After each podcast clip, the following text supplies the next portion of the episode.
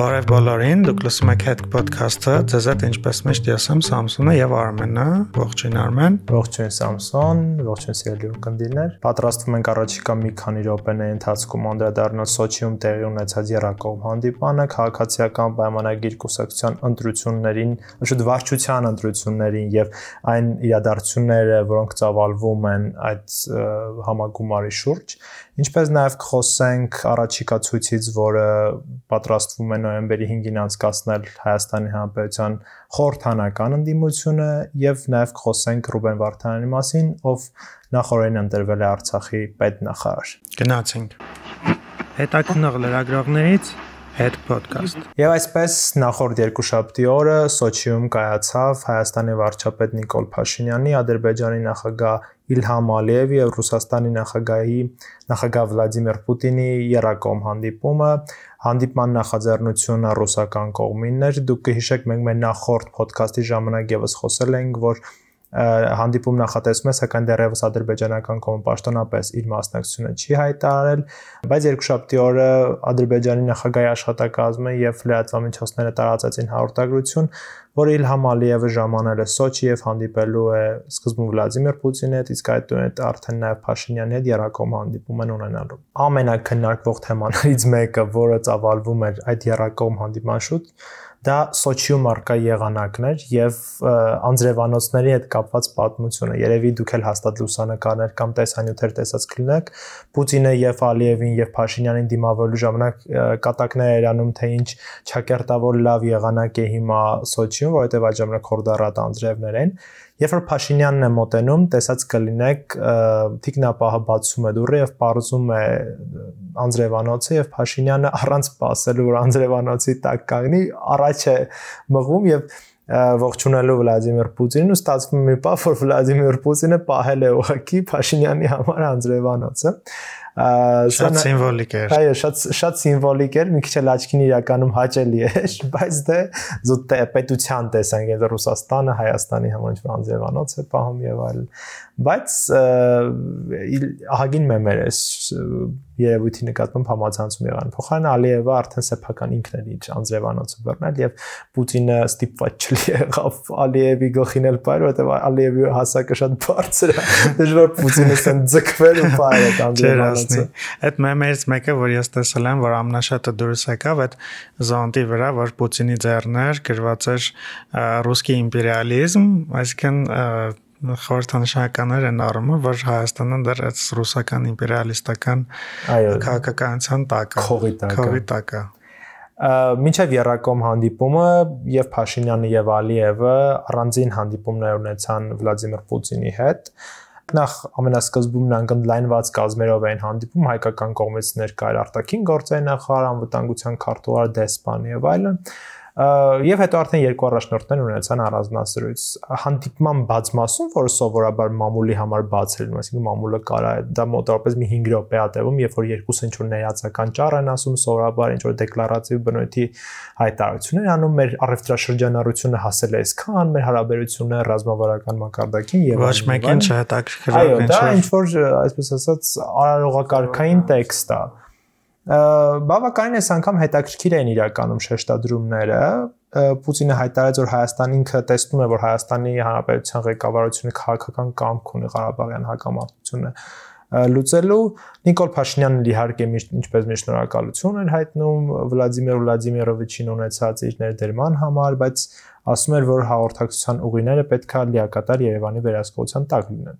Այսինքն Հայաստանի համար որպես այսպեսին միջանցք տերմինը երևույթը անընդունելի է եւ պետք է լինի լիայրա վերահսկողություն ունենա այդ ճանապարհը նկատում խոսքը իհարկե Ադրբեջանի եւ Նախիջևանի միջև այդ կապի մասին։ Մի հետաքրքիր շատ ընդգծում արեց Փաշինյանը, որը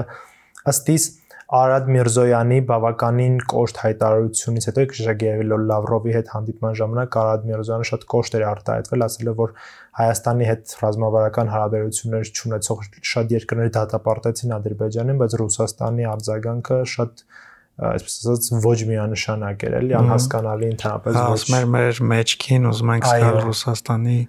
բաձերշկեն այսպես եւ նման մի հետաքրքիր հայտարարություն արեց նաեւ Փաշինյանը կապված հայկական տարածքներ Ադրբեջանի ներխուժման հետ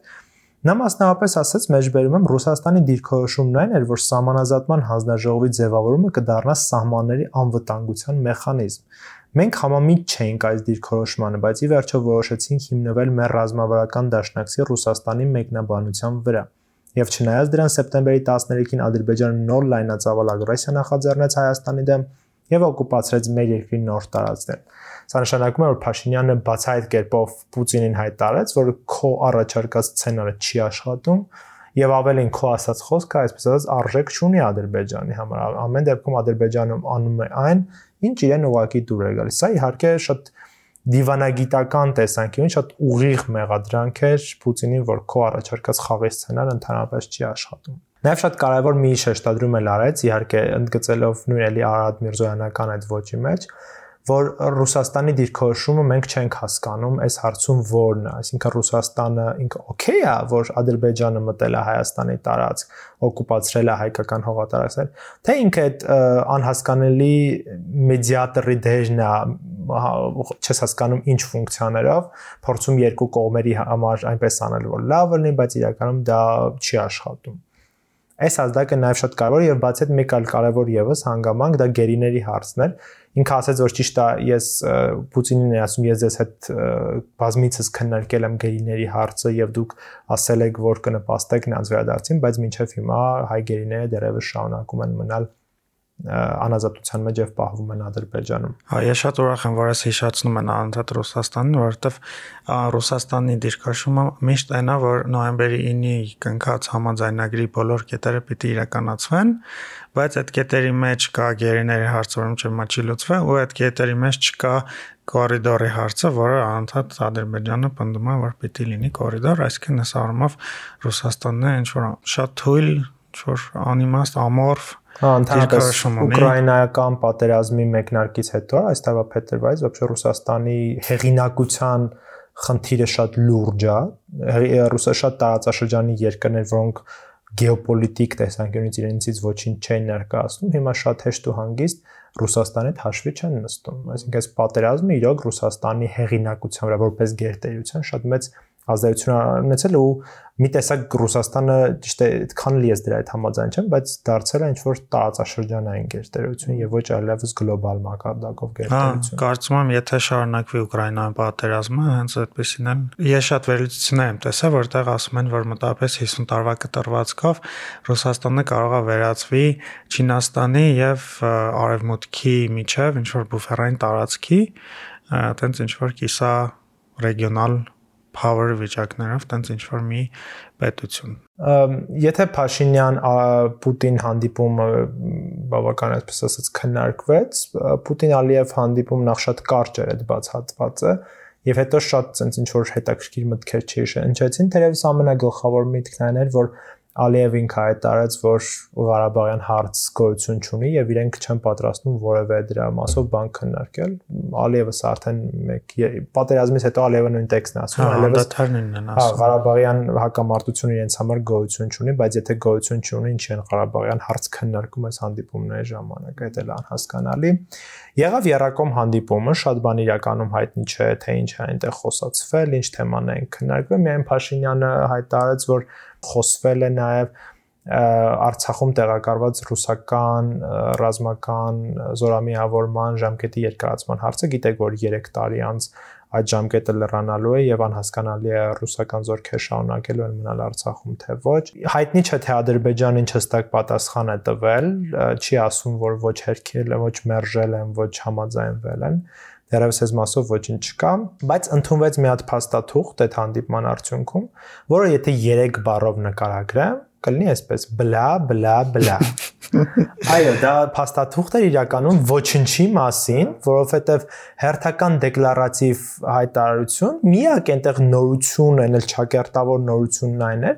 որ խորհրդարանական մակարդակով կլինեն ինչ որ քննարկումներ, չգիտեմ ինչ որ կապեր հայ-ադրբեջանական ինչ որ խորհրդանական մասով, սա է թերևս այն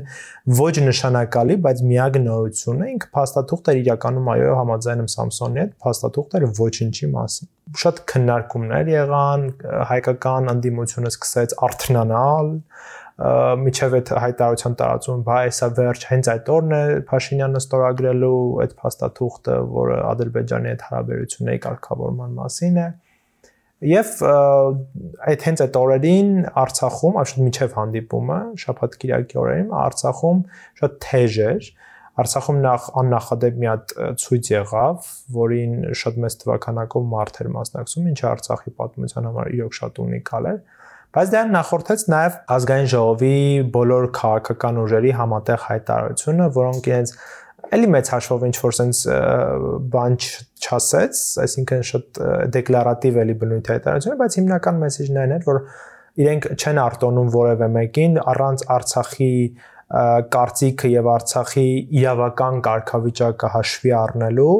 ինչ որ քաղաքական որոշումների գնալ։ Ցույցին շատ ելույթներ ունեցան, падգամավորները դուրս եկան միացան ցուցարարներին, բայց մեջ հաշվով դա ուղակի հավաքեր ցույց են տալիս հավաքական ուժ, իսկ Արցախում այդ հավաքական ուժը ի տարբերություն Հայաստանի կա, եւ դա մեծ հաշվով իհարկե շատ մեծ ազդեցություն չունեցավ, եթե հանուն արդարության ասենք, այնպիսի տպավորություն էր, որ ուղակի դա ինչ որ, չգիտեմ, դուրս են եկել ինչ որ հերթական միտինգի, որը էլի ոչինչի մասին է, եթե հաշվի առնենք դրա քաղաքական ազդեցությունը։ Փաշինյանի կերպարը հասկանալով իր այդենց բաները շատ մեծ ազդեցություն չեն ունենում։ Չունեն, հա։ Իմ համար ուղղակի շատ կարևոր էր այս ցույցը այն առումով, որ ինչ որ շատ մեծ քանակի մարդիկ խոսում են Արցախի ինքնո ինքնորոշման իրավունքի մասին, որը կարծես թե մոռացել են բոլորը։ Նույնիսկ այնպես է ստացվում, որ Ադրբեջանը որ տարիներ շարունակ հերքել է Արցախի ինքնորոշման իրավունքը, եւ չի ընդունել, որ այս պայքարը, այս իրենց կոչված sense սեպարատիզմը իրավունքների համար է,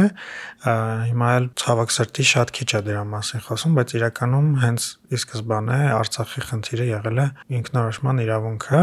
այդ սիմվոլիկ տեսանկյունից շատ կարևոր էր, բայց հա համամտ եմ հետդ, որ քաղաքական ազդեցության տեսանկյունից որևէ բան չտվեց այս ցույցը Անցնենք առաջ կանք Հայաստան կան ԿՊ-ի ներս, այսպես ասած, տեսնենք ինչա կատարվում։ Հոկտեմբերի 29-ին ԿՊ-ում տեղի ունեցավ իրենց կուսակցության 6-րդ համաժողովը եւ այս համաժողովի ժամանակ կուսակցականները գաղտնի քվեարկությամբ ընտրեցին կուսակցության վարչության նոր կազմը ըստ այդ արդյունքների վարչության անդամներ ընտրվեցին բոլորին չթվարկենք բայց ուղղակի ասենք առաջի 5 մարդուն ովքեր որ ընտրվել են դա բնականաբար Փաշինյանը հետո Սուրեն Պապիկյանը Ռուբեն Ռուբինյանը Տիգրան Ավինյանը եւ Սասուն Միքայելյանը այնտեղ էլի մի քանի հոգի կար իմ չալած միակ կինը այս կազմում Արփինե Դավոյանն է եղել, ընդհանրապես կանայք կարելի ասել ներկայացված չեն ԿՊ-ի leadership դերերում, հա, ասենց ասենք։ Նախորդ իրենց կազմում Մակունցն էլ կար, բայց քանի որ հիմա Մակունցը դեսպանի պաշտոն է զբաղացնում, միայն Արփինե Դավոյանն է մնացել։ Հա, ասենց ԿՊ-ն էլ շատ տղամարդակենտրոն կուսակցությունն է, չնայած նրան որ շատ կին անդամներ ունեն եւ ԱԺ-ում եւ ընդհանրապես կառավարության կազմում։ Ամեն դեպքում այս ընտրությունները կայացան եւ իր ելույթի ընթացքում Փաշինյանը մի հետաքրքիր բան արձագանքեց, որ մեջբերում եմ, այո, մեր կուսակցության գործունեության արդյունքում ՀՀ-ում ընտրությունների կեղծման էջը փակված է բայց արի ուտես որ հենց նույն կուսակցության մեջ ընտրությունների կեղծման էջը երևի թե փակված չէ կամ կիսաբաց է նոյեմբերի 2-ին մի քանի օր առաջ մամուլում տեղեկություններ սկսեցին տարածվել այն մասին որ ԿՊ-ում ընտրությունների վերահաշվարկ են պահանջել սկզբից հրաապարակ օրաթերթը գրեց, հետո դրա մասին գրեց ժողովուրդ օրաթերթը եւ երկուսն էլ պնդում էին, որ հաշվարկի ժամանակ խնդիրներ են առաջացել եւ երկու ԿՊԱ-կան հիմա այժմ պատգամավոր Արսեն Թորասյանի եւ արտակարգ իրավիճակների նախարարության նախար Արմեն Փաբողչյանի ստացած քվերներն ավելի շատ են եղել, քան հաշվել են։ Սրանից հետո Տիգրան Ավինյանը ֆակտորի հետ զրույցում ասաց, որ անճշտություններ են եղել այս ընտրությունների արդյունքում, սխալ են հաշվել, հա, իրանք այդպես մեկնաբանեցին եւ նոր վերահաշվարկ է եղել այս վերահաշվարկի արդյունքում էլ այս երկու նշածած ԿՊԱ-կանները Արսեն Թորոսյանն ու Արմեն Փամբոխչյանը անցել են վարչության կազմի մեջ եւ վարչության կազմից այդ դեպքում հարց առաջանում ովքեր են դուրս մնացել դուրս մնացողներն են Համբարձում Մաթեոսյանը եւ Հայկ Կոնջորյանը այսինքն այնպես է ստացվում որ կարելի է ենթադրել որ Արսեն Թորոսյանի եւ Փամբողջյանի ցայները վերցրել են այդ հաշվարկող կոմիտեն ու ավելի շատ ցայներ փոխանցել են Համբարձում Մաթեոսյանին ու Հայկ Կոնջորյանին այսպեսի խառը պատմություններ են կատարվում ԿՊ-ի ներսում իհարկե իրենք ասում են որ ուղակի սխալ հաշվարկ ա եղել Սամսոն դու չգիտես հետքն ամեն ինչում մեղավոր ըստ Արսեն Թորոսյանի այո հաստատ մեր ուկնդիները հիշում են որ նախորդ շաբաթ Արսեն Թորոսյանը ստատուս էր գրել մեր հրապարակման վերաբերյալ եւ ասել էր որ իր հորը պատկանող ձկնաբուծանի հետ կապված հետգրապարակում էր արել եւ Արսեն Թորոսյանը միած ստատուս էր գրել, որտեղ ասում էր. Այն նման հրապարակումներ են անում, որ ազդեն մեր համագումարի արդյունքների վրա։ Պաստորեն այդ հրապարակումը ազդել էր այդ հաշվարկ անողների վրա, թվերը լրիվ խառնել։ Հաշվարկ անողները կարդացել են մեր հոդվածը, ու սենց որոշել են, վայ չէ, ինչ որ բիզնես ունի, արի ինչ որ մի քանի ձայն ավել տանք խոսքի ում բան բանին, Հայկ Կոնջարյանին ինքը տիպը լավ է խոսում։ Սենց ինչ որ բաներ է։ Վարչապետ տղա, ոնց կարաչել Հա, երկուսն էլ երիտասարդ համակրելի երիտասարդներ են, ինչ որ կարելի է իրանց ձայները տալ, չէ, ինչ որ ըստ Արսեն Թորոսյանի տրամաբանության տենց ինչ որ բան ա եղել։ Ամեն դեպքում, չգիտեմ, շատ կարևոր մի բան կուզեի նշել, չնայած կարճ ասացի, որ ԿՊ-ի ներսում էլ կանայք շատ քիչ դեր են խաղում։ Որոշումներ կայացնողները հիմնականում տղամարդիկ են ու ստացվում է որ սեն շատ տղամարդակենտրոն պատրիարխալ ինչ որ կուսակցությունը չնայած նրան որ կանայք են ինձ թվում է այնտեղ են ինչքան ԿՊՆ-ն կուսակցություններից է որտեղ կան ներքին տարբեր խմբեր, որոնք միմյանց հետ ուղակի չունեն Այսինքն այնտեղ շատ մեծ ներքին պայքար է գնում մեկը մյուսի դեմ։ Կապ չունի թե այդ կողմերն ովքեր են։ Այնտեղ կան sense մարդիկ, ովքեր ինչ որ տարբեր խմբեր են ղեկավարում եւ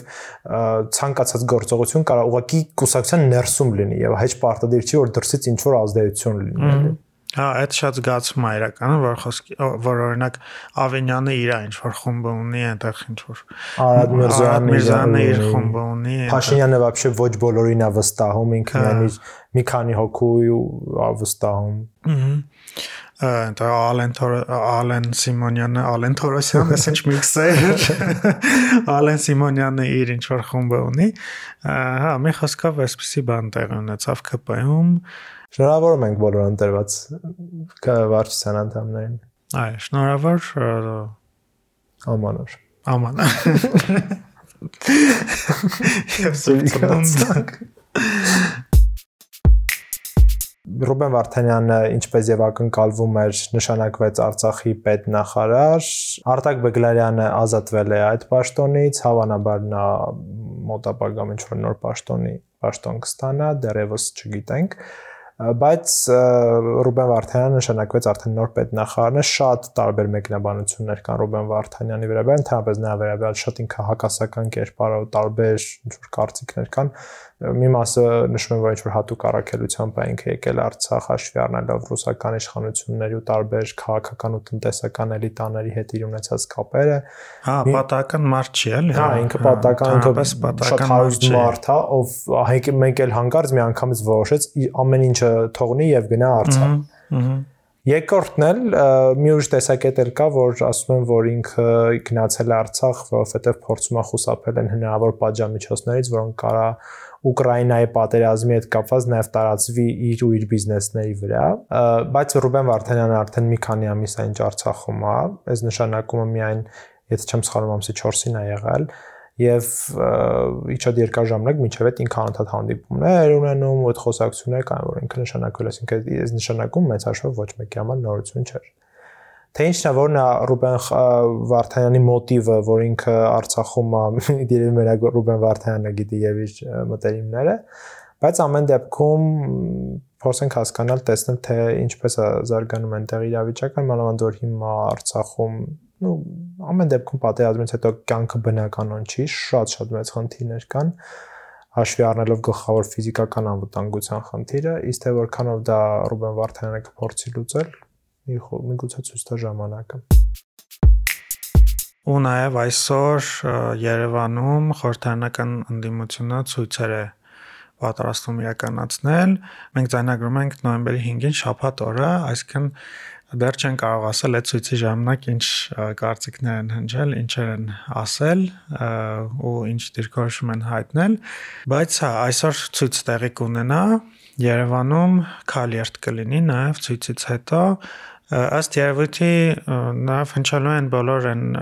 տեսակետները եւ դիրքորոշումները, որոնք մինչեւ հիմա հնչել են ընդդիմության կողմից Ռոբերտ Քոչարյանի վերջին մամուլի ասուլիսից հետո այդ իր խոսքը եւ իր